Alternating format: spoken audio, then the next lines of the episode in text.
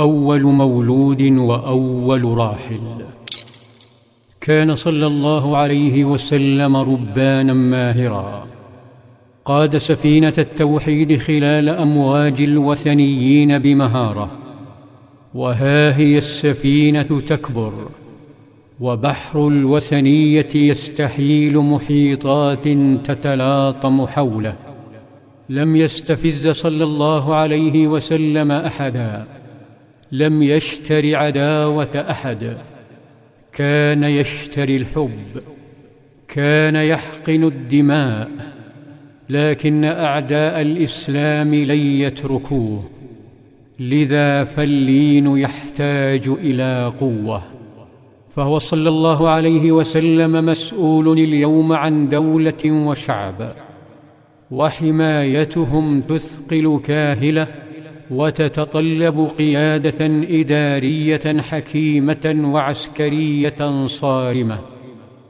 بدأ صلى الله عليه وسلم بتشكيل بعض السرايا المكونة من بضعة أفراد من صحابته وذلك لرصد أي تحرك للوثنيين الذين تحالفوا مع قريش.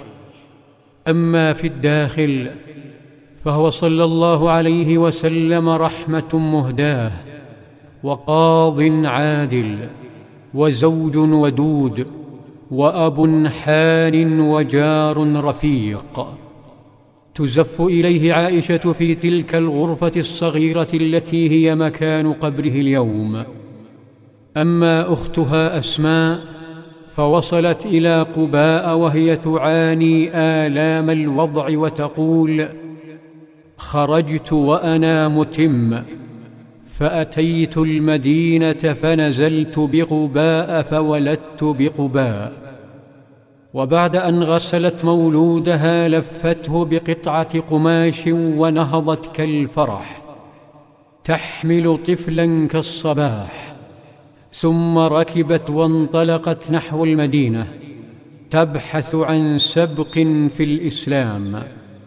هذه الفتاة التي رباها الصديق تصل إلى المدينة فلا تبحث عن أحد سوى نبيها صلى الله عليه وسلم.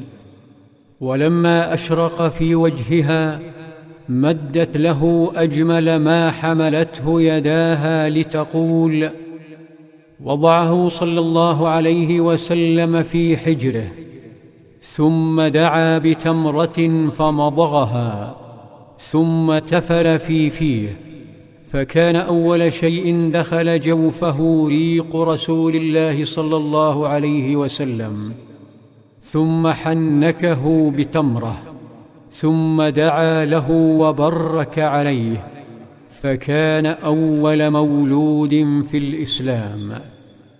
ثم مده لذات النطاقين فضمته وقبلته ودللته وسمته بخير الأسماء. سمته عبد الله عبد الله بن الزبير.